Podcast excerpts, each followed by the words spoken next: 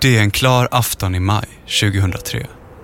Midnattstimmen slår i Skånes minsta kommun. De flesta av er har nog aldrig hört talas om den. Perstorp.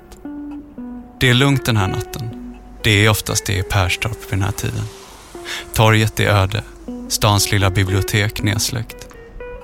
Herrskobutikens reavimplar undanstoppade och pizzerians neonskylt sprakar som vanligt skoningslöst i natten. Allting är sig likt på torget i Perstorp. Förutom en grej. Det är något som är konstigt med kommunhuset. Det ser nästan ut som att den röda plåtfasaden svettas. Små pärlor av vatten rinner längs med fasadens väggar och droppar ner på torgets stenplattor. Och det är lite märkligt med allt vatten eftersom det inte regnat på flera dagar. Det är ingen som vet det där och då. Men den lilla kommunen är utsatt för en mystisk attack.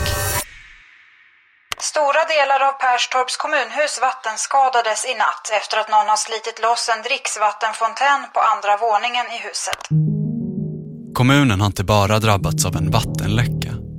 Det verkar också som att någon ställt om spänningen till kommunhusets datorer. Så vad var det som hände när eh, kontoristerna kom hit i morse och skulle börja jobba? Ja, när de slog på datorn så sa det väl bara...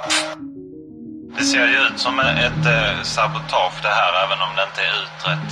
Vad kan du tänka dig att det finns för motiv till en sån här sak? Jag kan inte tänka mig något motiv överhuvudtaget. För jag tycker det inte ens skulle vara roligt att göra en sån här grej.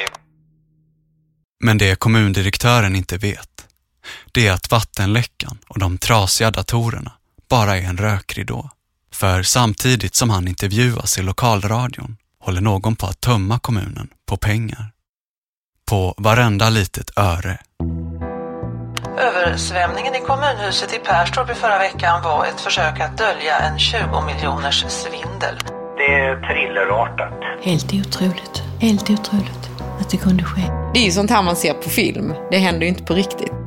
Ett kommunkontor är ju kanske inte som Fort Knox. Och vi liksom bara, what the fuck? ja, det är bra. Och hon bara spänner ögonen i mig och säger, nu är du bara tyst och jobbar. Jag heter Mårten Trofast och i den här serien ska jag berätta om vad som hände på kommunhuset i Perstorp för snart 20 år sedan. Och det ska visa sig att den här historien sträcker sig ännu längre tillbaka i tiden.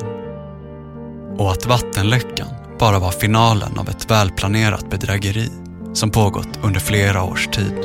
Jag har inte pratat mycket om det här. Jag vill inte väcka upp någonting som har varit egentligen. Det är en berättelse om svek. Tänkte fan det här är ju skitkonstigt. Skratt.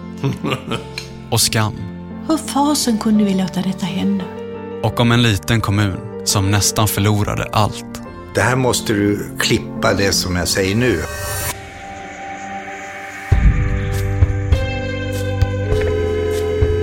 Third Ear Studio presenterar Skuggland. Om socialsekreteraren som plundrade Perstorps kommun och försvann. Efter kuppen, vart tog André vägen då? Ja, jag har ingen aning. Alltså han var ju borta. Om jag skulle försöka leta efter honom någonstans, var, var någonstans borde jag leta? Ja, jag skulle gissa Brighton. Ja, jag undrar det. Var han kan finnas. Välkommen till telefonsvararen. Visste du att han hade lyckats rymma?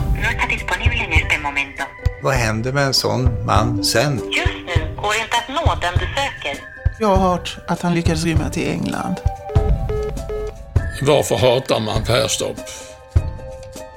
Ny serie i åtta delar, ute snart. Och du, glöm inte att prenumerera.